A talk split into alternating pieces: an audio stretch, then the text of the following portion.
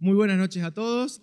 En estos breves minutos quiero comprometerme con ustedes a ser dinámico y a poder llevarnos palabra fresca, una meditación de la palabra de Dios para esta, para esta noche. ¿sí?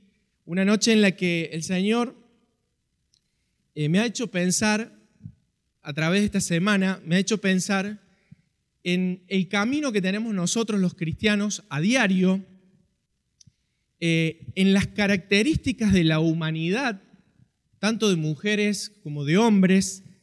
Y el título de este mensaje es La fórmula que no fracasa. Y claramente la vida, ya voy a ir desentrañando a qué me estoy refiriendo, la vida nuestra tiene constantes altibajos, está claro eso. Somos hombres frágiles, hombres y mujeres falibles, nuestras emociones nos juegan siempre una mala pasada. ¿Cuántos podríamos decir que emocionalmente muchas veces nos juega una mala pasada la tristeza, la angustia, la depresión o quizá la euforia, la alegría? Porque no somos robots, claramente.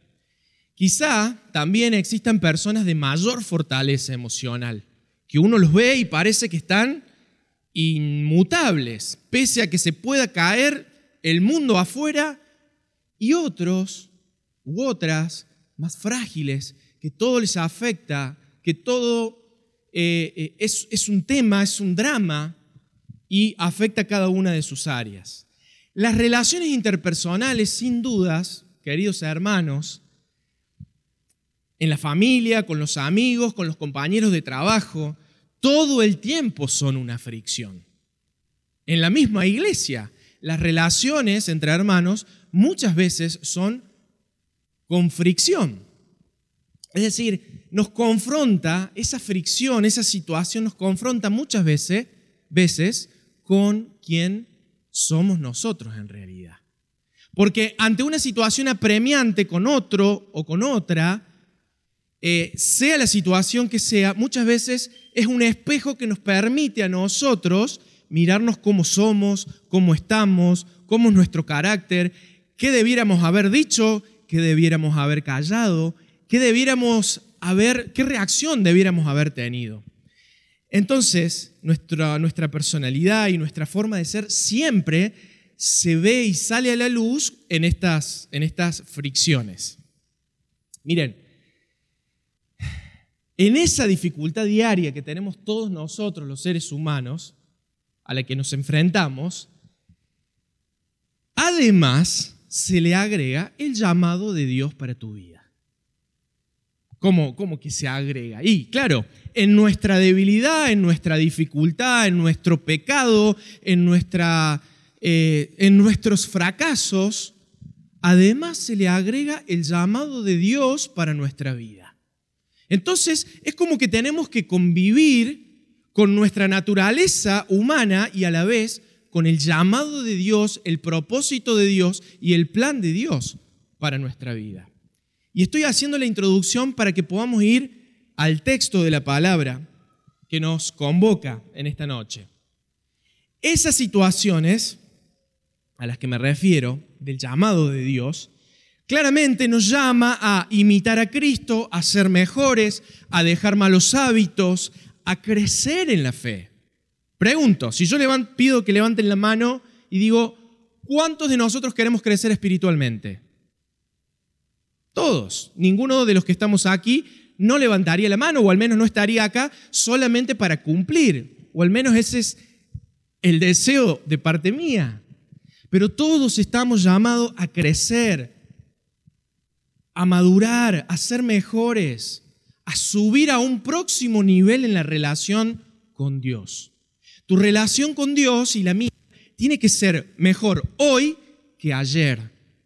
Pero claro, la realidad indica que muchas veces nuestra naturaleza nos lleva a tener esos altibajos. Tenemos un llamamiento a crecer en la fe a pesar de lo que somos. Es increíble realmente el amor de Dios, que sabiendo lo que somos, que sabiendo nuestra naturaleza, que sabiendo qué débiles somos, Él aún sigue teniendo esperanza en cada uno de nosotros. Dios sigue teniendo esperanza a pesar de vos. Dios sigue confiando en tu corazón a pesar de lo que sos. Miren, Él quiere cumplir un propósito eterno en tu vida y el Padre ansía hacer algo con vos hoy. Entonces, algo tenemos que hacer. Algo tenemos que hacer. Debemos paliar esa realidad humana todo el tiempo, hasta el día de nuestro último suspiro. Vamos a luchar con nuestra realidad humana, con nuestra naturaleza. No hay con qué darle a eso. Pero algo, una decisión, es la que nosotros debemos tomar. Porque un día Dios hizo un llamado a tu vida que aún está vigente, que aún está pendiente de cumplimiento. No digo que no hayas hecho nada antes, ni yo no haya hecho nada antes, pero todavía falta. Si todavía respiras y tu corazón late, todavía el cumplimiento del propósito de Dios para tu vida está llevándose a cabo. Y eso es lo hermoso de saber que Dios aún tiene una esperanza y una confianza en nosotros en que, en que quiere que llevemos adelante ese plan. Por eso, ese llamado a crecer. Hay una frase que puse que el conformismo, al fin de cuentas, es retroceso. Porque no estamos llamados a estar suspendidos en la vida cristiana. No estamos llamados a estar congelados en la vida cristiana. Por el contrario, siempre Dios es un Dios de crecimiento, de mayor relación con Él, de mayor madurez. Hay un versículo que dice que, que, somos como la luz de la aurora hasta que el día es perfecto. Entonces, Dios es un Dios de desafíos, es un Dios de nuevas metas, es un Dios de crecimiento, es un Dios de mayor calidad en nuestra persona, en nuestra mente, en nuestro corazón. Él no no es del equipo del conformismo, claramente. Quedarse quietos y no buscar el progreso espiritual no es imagen de un discípulo genuino del Señor. Vamos a ir a Gálatas, capítulo 6. Yo lo voy a invitar. No lo tengo en el PowerPoint, o sea que lo va a tener que buscar en su Biblia o los chicos los pondrán en la pantalla. Y vamos a leer solamente algunos versículos.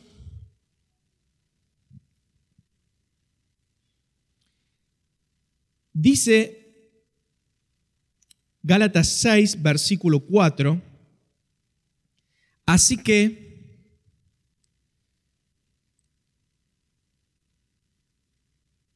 cada uno someta a prueba su propia obra y entonces tendrá motivo de gloriarse solo respecto de sí mismo y no en otro.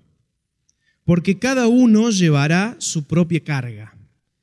Versículo 7. No se engañen, Dios no puede ser burlado, pues todo lo que el hombre sembrare, eso también segará. Porque el que siembra para su carne, de la carne segará corrupción, mas el que siembra para el espíritu, del espíritu segará vida eterna. No nos cansemos, dice el verso 9, pues de hacer el bien, porque a su tiempo segaremos si no desmayamos. Hasta ahí la palabra de Dios. Y antes de ir a esa fórmula que no fracasa para que nosotros podamos crecer en la vida espiritual, quiero contarte que el contexto en el cual el escritor de esta carta era a personas, a los Gálatas, valga la redundancia, ¿no? Que estaban justamente tratando de justificar la gracia de Dios, pero necesitaban complementarle las obras. Es decir, cuando se escribe esta carta, había judíos, había cristianos judaizantes que decían, bueno, muy bien con la gracia de Dios, pero hay que seguir haciendo obras para alcanzar el favor de Él. Lo cual Pablo, a lo largo de toda la carta, se encarga de refutar, de refutar a estos cristianos judaizantes. Por eso, por eso, en esta porción que leímos encontramos una fórmula que no fracasa, encontramos dentro de ella factores para nuestro crecimiento espiritual. Y si estás en esta noche y tenés deseos de crecer espiritualmente, de crecer como ser humano, de crecer como mujer, de crecer como amigo, de crecer como esposo, como esposa, la palabra de Dios hoy quiere hablarte. Y ahí puse un cuadrito que son los llamados factores de la fórmula. Y ahí yo detallo los cuatro puntos que voy a abordar en esta noche. Si ustedes observan, yo no lo puedo ver, si ustedes observan, tenemos, por un lado, la fórmula esta que acabamos de leer en Gálatas invita a que nos autoexaminemos. Segundo, que no tenemos que compararnos con otros. Esta porción que acabamos de leer al principio de la siembra y la cosecha. Y por cuarto punto, te invita a no desmayar, a perseverar. Por eso vamos a desarrollar solamente estos cuatro puntitos y quiero que veamos el primero. Gálatas, en esta porción, te invita a hacer un autoexamen de tu vida. Gálatas, el escritor, no son pocas las veces que la palabra nos llama a mirarnos hacia adentro. No estoy diciendo nada nuevo, no he descubierto la doctrina ni de teología. Pero la, la, Biblia, la palabra de Dios, nos llama a hacer una introspección, autoexaminarnos. Es uno de los factores que permite que esa fórmula, autoexaminarnos en nuestro diario vivir, es un trabajo constante es necesario observar atentamente, querido hermano, querida hermana, cómo estamos, qué hacemos, dónde radican nuestros pensamientos, aquello que habla nuestra boca, los lugares que, que frecuentamos, las cosas que vemos en la pantalla, todo el tiempo el Señor nos llama a autoexaminarnos. Someter a examen nuestra aptitud y suficiencia espiritual es clave, es clave para anhelar crecer. No hay posibilidad alguna de crecimiento si no haces un análisis de, análisis de cómo estás. Si no haces un examen de cómo estás y cómo venís. Miren, sin un diagnóstico es imposible corregir. Sin un diagnóstico es imposible determinar el problema. Sin un diagnóstico es realmente difícil anhelar el crecimiento espiritual, anhelar ese desarrollo de madurez en todas las áreas de nuestra vida. Porque cuando uno se desarrolla espiritualmente, se desarrolla en todos los aspectos, en el trabajo, en las relaciones familiares, como esposo, como esposa, como hijo, como estudiante, como administrador de dinero, como profesional, porque es el, aspecto espiritual afecta toda nuestra, nuestra vida. Por el contrario, el diagnóstico, si no hacemos el diagnóstico, no vamos a poder conocer nunca cuáles son nuestros puntos débiles. Es algo obvio lo que estoy diciendo. Miren, a la luz de la palabra de Dios y de sus principios, el autoexamen siempre va a ser efectivo. No puedo usar cualquier parámetro. No puedo utilizar el parámetro del hermano, pese a que alguien pueda venir y decirme, aconsejarme, motivarme, exhortarme y ayudarme a cambiar una determinada cosa que me esté pasando. Pero siempre la palabra de Dios, la, la palabra de Dios es luz para poder nosotros autoexaminarnos. Entonces, la fórmula que no fracasa, el primer factor es tenés que hacer una introspección, tenés que autoexaminarte cómo venís, cómo estás. No vivas y no tengo que vivir así por envión, por inercia, sin analizar mis pasos, sin analizar tus pasos. Dice 2 Corintios 13, examínense ustedes mismos y vean si permanecen en la fe. Pónganse a prueba ustedes mismos. ¿O acaso ustedes mismos no se conocen? ¿Acaso no saben que Jesucristo está en ustedes? A menos que no hayan pasado la prueba.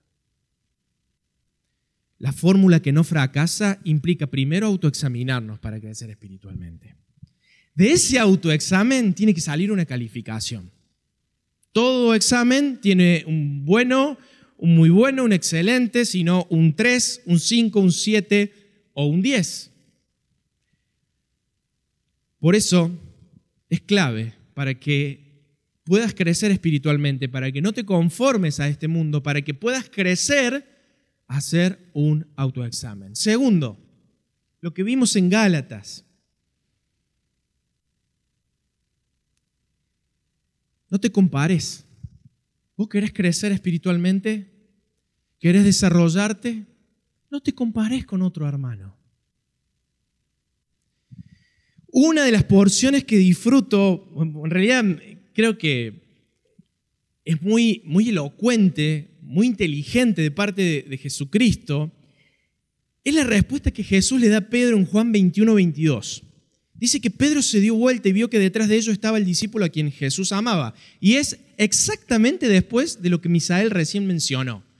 Después del, del relato de la pregunta que Jesús le hace a Pedro, si, lo amaba y le pregunta tres veces, inmediatamente pasa esto.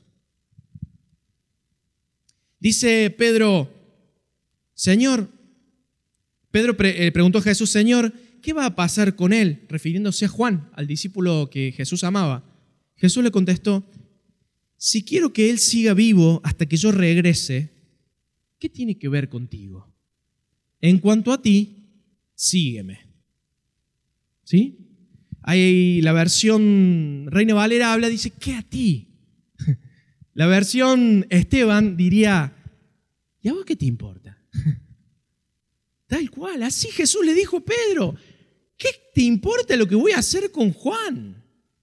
Entonces, el Señor, en esta fórmula, en esta fórmula que no va a fracasar para que puedas crecer espiritualmente, es no te compares con otros, con otros pares tuyos, con otros hermanos, con otros consiervos. Mira, no es responsabilidad nuestra las consecuencias de las decisiones de tu hermano en la fe. No es mía la, la responsabilidad de las decisiones que tome la Gaby, que tome Ángel, que tome Javi. No, cada uno de nosotros Dios nos ha dado y nos ha dotado de libre albedrío, nos ha dado la libertad para que en Él, a través de la guía del Espíritu Santo, tomemos decisiones correctas. Pero cuando yo hablo de no compararse con otro para poder crecer espiritualmente, es saber, saber de que ahí no está la vara, ahí no está el parámetro, ahí no está el punto de referencia para yo crecer. Yo no voy a negar que muchas veces tenemos hermanos que son para nosotros de inspiración, en buena hora, y podríamos nombrar un montón, yo también los tengo. Pero muchas veces caemos en, el error de compararnos porque otro lo hizo, porque lo otro lo hace mejor, porque, etcétera, etcétera, etcétera. Si querés crecer espiritualmente, no tenés que compararte. Miren, Pedro se preocupó por la vida de Juan.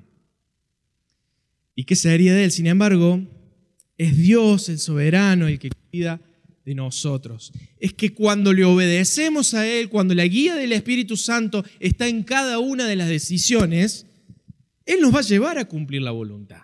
Ahora, si las decisiones son tomadas fuera de la guía del Espíritu Santo, eh, fuera del temor de Dios, o cuando directamente no pusiste a cuentas con el Señor, si esa decisión a Él le compete ayudarte, valga la, explicación media exagerada, pero todas nuestras decisiones tienen que intervenir el Señor.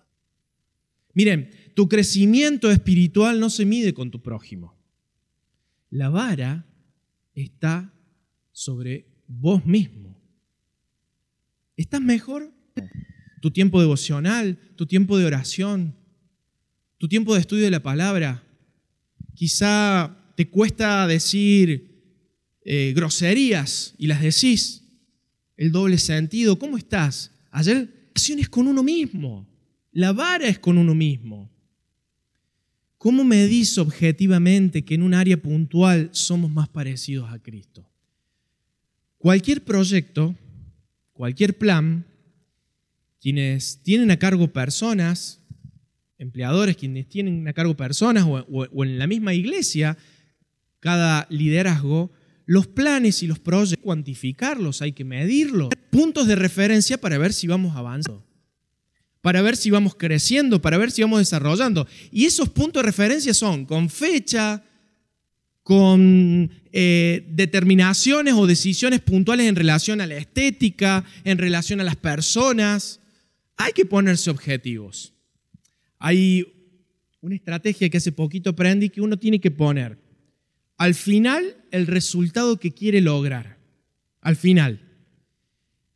Con una fecha establecida. Por ejemplo, 31 de diciembre. Esteban, bajar de peso. Pero ¿qué tiene que pasar para que yo llegue a ese resultado? Y ahí vamos a, vamos ir poniendo micro objetivos. Entonces, primero, salir a correr lunes, miércoles y viernes. Eh, segundo, comer eh, menos harinas. Tercero, y así. Y al 31 de mayo yo tengo que haber cumplido un objetivo, y así en junio, agosto, septiembre. Entonces, esos objetivos van a llegar a ese resultado. Entonces, espiritualmente también podemos medir eso. Claro que sí, claro que podemos medir eso. Eso también habla de la excelencia, habla del profesionalismo con el que a diario nos tomamos la vida cristiana. Miren, la vara está por sobre vos mismo. Yo quiero decirte en esta noche que vos mismo tenés que ser tu mejor rival no tu hermano en la fe, no tu hermana en la fe. Vos mismo tenés que ser tu mejor rival. Todos los días tenés que superarte y todo tu ambiente va a ser afectado. Miren, si utilizo el término competir, es contra nosotros mismos. Es contra nosotros mismos. El plan de Dios para uno de ustedes no es el mismo para otro. Entonces, si yo tengo un rival, soy yo mismo. Pienso en el versículo que dice que de su propia concupiscencia, de sus propias pasiones, caemos en pecado. Entonces, somos nosotros mismos los que a veces nos ponemos obstáculos en la vida cristiana. Así, así también, Dios hoy te invita a que seas vos mismo tu mejor rival. Miren, dice Lucas 18, en la porción, ¿se acuerdan cuando el fariseo se puso a orar en público? Qué tremenda la oración del, fariseo. Dice, puesto en pie, oraba consigo mismo de esta manera. Dios, te doy gracias porque no soy como los otros hombres, ladrones, injustos, adúlteros, ni aún como este publicano. El fariseo se estaba midiendo con su prójimo. El fariseo se estaba comparando con su prójimo. Tercero, viví conforme al principio de la siembra y cosecha. Es, una herramienta que quiero trasladarte, que quiero invitarte a pensar cada día en, en tu diario vivir. Si pensamos en el principio de la siembra y cosecha, veíamos ahí en Gálatas que no se engañen, dice, nadie puede ser burlado, pues todo hombre todo lo que el hombre sembrare, eso también segará. Ese es un eje rector para tu vida y te va a permitir crecer espiritualmente. Es un fundamento que es constante y te va a dar equilibrio en ser conscientes en la repercusión de tu conducta, en la repercusión o en los efectos de cómo te comportas a diario. Todo lo que siembres, eso vas a cegar, eso vas a cosechar. Entonces, partiendo de ahí, si vivís conforme al principio de la siembra y la cosecha, la fórmula que no fracasa te invita a crecer espiritualmente. Miren, no hay una máxima fuera de esta. Somos el resultado de nuestras acciones. Somos el resultado de nuestras acciones. Las buenas, las malas y las intransigentes. Me acuerdo de esa palabra porque hace tiempo Andrés habló sobre, no sé si fue Andrés, pero alguien habló sobre la intransigencia. Miren, no podemos escaparnos de cada acto, de cada acción, porque tiene una repercusión. Y si yo tengo que dar o definir a una persona, y probablemente el primer punto de referencia van a ser sus acciones, porque es lo visible, es lo que veo. Entonces, si sembramos para vida eterna, vamos a cosechar para vida eterna. Vas a recibir aquello que sembras. Mira, hay hermanos que van a ser de bendición y gloria a Dios por los hermanos que son de bendición, de motivación y hasta de guía. Pero llega un momento donde la puerta se cierra, donde vos te quedás solo y las decisiones las tenés que tomar vos. Querido adolescente, querido joven, querido papá, abuelo, adulto o quien estás ahí del otro lado, llega un momento que la decisión la tenés que tomar vos. Y esa decisión tiene repercusión y esa decisión es una semilla que va a dar fruto. Habrá que ver qué semilla es la que sembramos. Mi hermano no puede, mi hermano en la fe no puede ni debe hacer la tarea que Dios me encomendó a mí. Él no va a sembrar por vos, eso ya lo sabemos. Siempre cosecharemos lo que sembramos. Esa es tu responsabilidad. Por eso el tercer factor de esa fórmula que no fracasa es vivir conscientes del principio de la cosecha de la siembra y la cosecha. Claro, cuando vos sos consciente de eso, y vas a pensar dos veces determinadas acciones, determinadas decisiones, determinadas conductas. 1 Corintios 3:8 dice, y el que planta y el que riega son una misma cosa, aunque cada uno recibirá su recompensa conforme a su labor. Ahí estaban discutiendo, eh, creo, Pablo y Apolos, eh, cuál era el rol que hacía cada uno, y dice, Primero Corintios que el que planta y el que riega son una misma cosa, aunque cada uno va a recibir su recompensa conforme a su labor. ¿Cuál va a ser tu recompensa? Y por último, fíjense lo que dice el verso 9 de Gálatas. No nos cansemos, pues, de hacer bien porque a su tiempo cegaremos y no desmayamos. Hay otra versión que me gusta que habla de la constancia, que habla de la perseverancia. Por eso puse que el cuarto factor de la fórmula que no fracasa es perseverar. Persevera, persevera, sé constante, persevera. No te canses de hacer el bien. Aquí el contexto de Gálatas está refiriéndose a los hermanos que había que, o, Pablo viene a decirles, hay que hacer el bien a los hermanos y no desmayes y sé constante en hacer el bien a tus hermanos. Pero acá la invitación que quiero hacerte en esta noche es, no aflojes, no aflojes, no te detengas. La carrera no es de los veloces. En mis 36 años he podido aprender que la carrera no es de los veloces, sino del que persevera sino del que persevera. La gran nube de testigos que habla Hebreos 11 los caracterizó la permanencia, no la rapidez.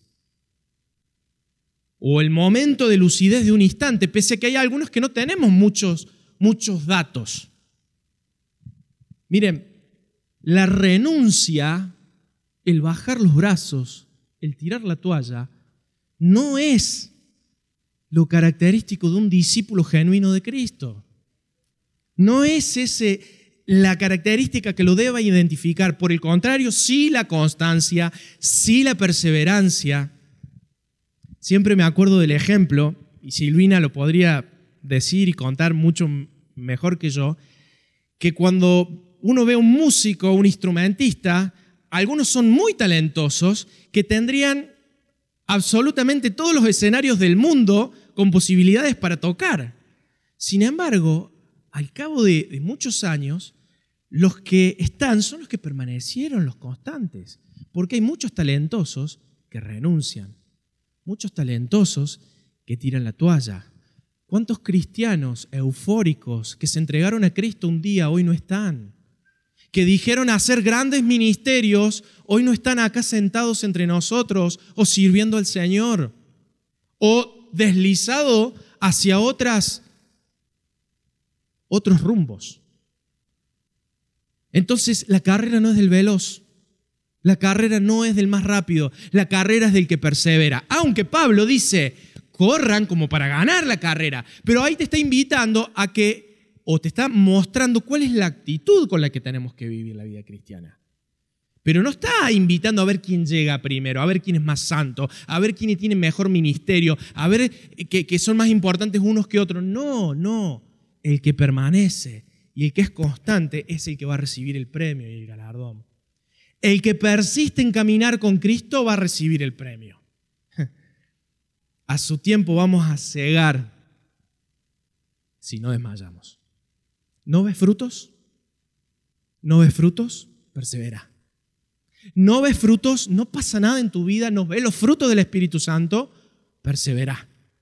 Autoexamínate. No te compares. Viví conforme al principio de la siembra y la cosecha, pero persevera. Los resultados no son nuestros tiempos. Los tiempos no son nuestros. Él, a su tiempo, va a hacer la obra. Nuestro llamado es a la paciencia, es a ser constantes, es a seguir, es a no claudicar. Miren, los frutos del Espíritu Santo necesitan tiempo. Pero no te estoy diciendo que te tires al abandono, que, ah, bueno, ya va a llegar. Trabaja, esforzate, prepárate. Capítulo 2, verso 5. Pero por tu dureza y por tu corazón no arrepentido, atesoras para ti mismo ira para el día de la ira y de la revelación del justo juicio de Dios. Acá lo importante. 6. El cual pagará a cada uno conforme a sus obras. Vida eterna a los que, perseverando en bien hacer, buscan gloria y honra e inmortalidad. Vida eterna a los que, perseverando, hermano, persevera sé constante, no renuncies. El fruto va a llegar. Y si no vas a ver el fruto, no es un problema tuyo. Vos sé obediente a Dios, seguí adelante. Y el fruto se encargará el Señor. Por eso, cierro aquí. Y quiero en esta noche que pienses y que reflexiones cómo está tu vida que quizá tengas que darle una vuelta de rosca al autoexamen diario, a ese diagnóstico diario que tenemos que hacer de cómo estamos. Que quizá tengas que dejar de mirar al hermano para sentirte más o sentirte menos y poner solamente la vara en Cristo. Que tenés que saber de que cada conducta, cada acción es realmente una siembra que un día va a producir fruto. Y por último, persevera. Sé constante, no te detengas, seguí adelante en las huellas de Jesús. Amén. Amén.